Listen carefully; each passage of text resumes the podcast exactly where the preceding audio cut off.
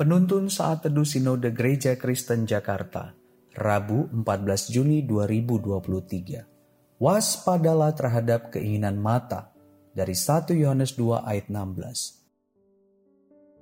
Sebab semua yang ada di dalam dunia, yaitu keinginan daging dan keinginan mata, serta keangkuhan hidup, bukanlah berasal dari Bapa, melainkan dari dunia. Saudara, Matthew Mead menuliskan dalam perenungannya demikian.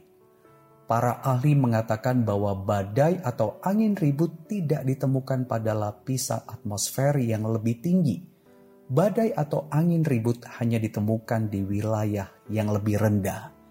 Indra manusia, termasuk mata, hidup di wilayah lebih rendah yang penuh masalah dan kejengkelan.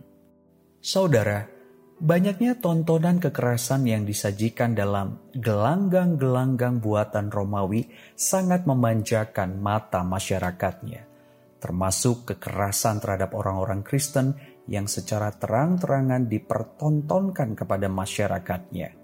Belum lagi tontonan-tontonan percabulan yang terjadi di kuil-kuil berhala yang dimiliki Romawi menjadikan setiap mata yang melihat merasa terpuaskan. Kekerasan dan percabulan adalah dua bentuk tontonan yang dianggap memuaskan diri manusia. Mata merupakan salah satu anggota tubuh yang dapat dirusak oleh keinginan yang jahat.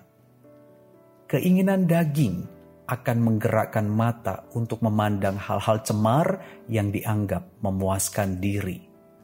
Rasul Yohanes menasihati orang-orang Kristen agar mewaspadai keinginan mata mereka dimulai dari dalam batin mereka yang harus diselidiki. Apabila keinginan daging yang menguasai, maka mata mereka pun dipakai untuk menikmati hal-hal cemar yang sebenarnya tidak akan pernah memuaskan mereka. Namun jika batin mereka dikuasai oleh kasih kepada Bapa, maka keinginan yang benar yang mereka ikuti.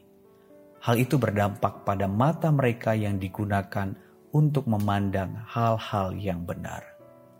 Saudara, pada masa kini pun marak sekali tontonan-tontonan yang mengandung kekerasan dan percabulan. Kemajuan teknologi mampu untuk menjanjikan berbagai adegan kekerasan dan percabulan. Banyak manusia, dari mulai anak-anak sampai usia tua yang menikmati berbagai tontonan kekerasan dan percabulan. Tidak terkecuali orang-orang Kristen. Dua tontonan tersebut dipakai si jahat untuk merusak anak-anak Tuhan. Melalui firman Tuhan ini, kita diingatkan untuk mewaspadai keinginan mata kita. Caranya adalah dengan terus melatih jiwa kita mengasihi Allah dan membenamkan kebenaran firman-Nya di dalam batin kita. Selain itu, terus memohonkan kepekaan pada pimpinan Roh Kudus di dalam batin kita untuk mengarahkan kita menaati kebenaran dan melawan keinginan daging. Jangan berikan mata Anda tontonan yang cemar, itu merusak jiwa Anda. Murid Kristus sejati terus berjuang untuk menggunakan matanya menyaksikan yang benar dan bukan yang cemar. Tuhan Yesus memberkati.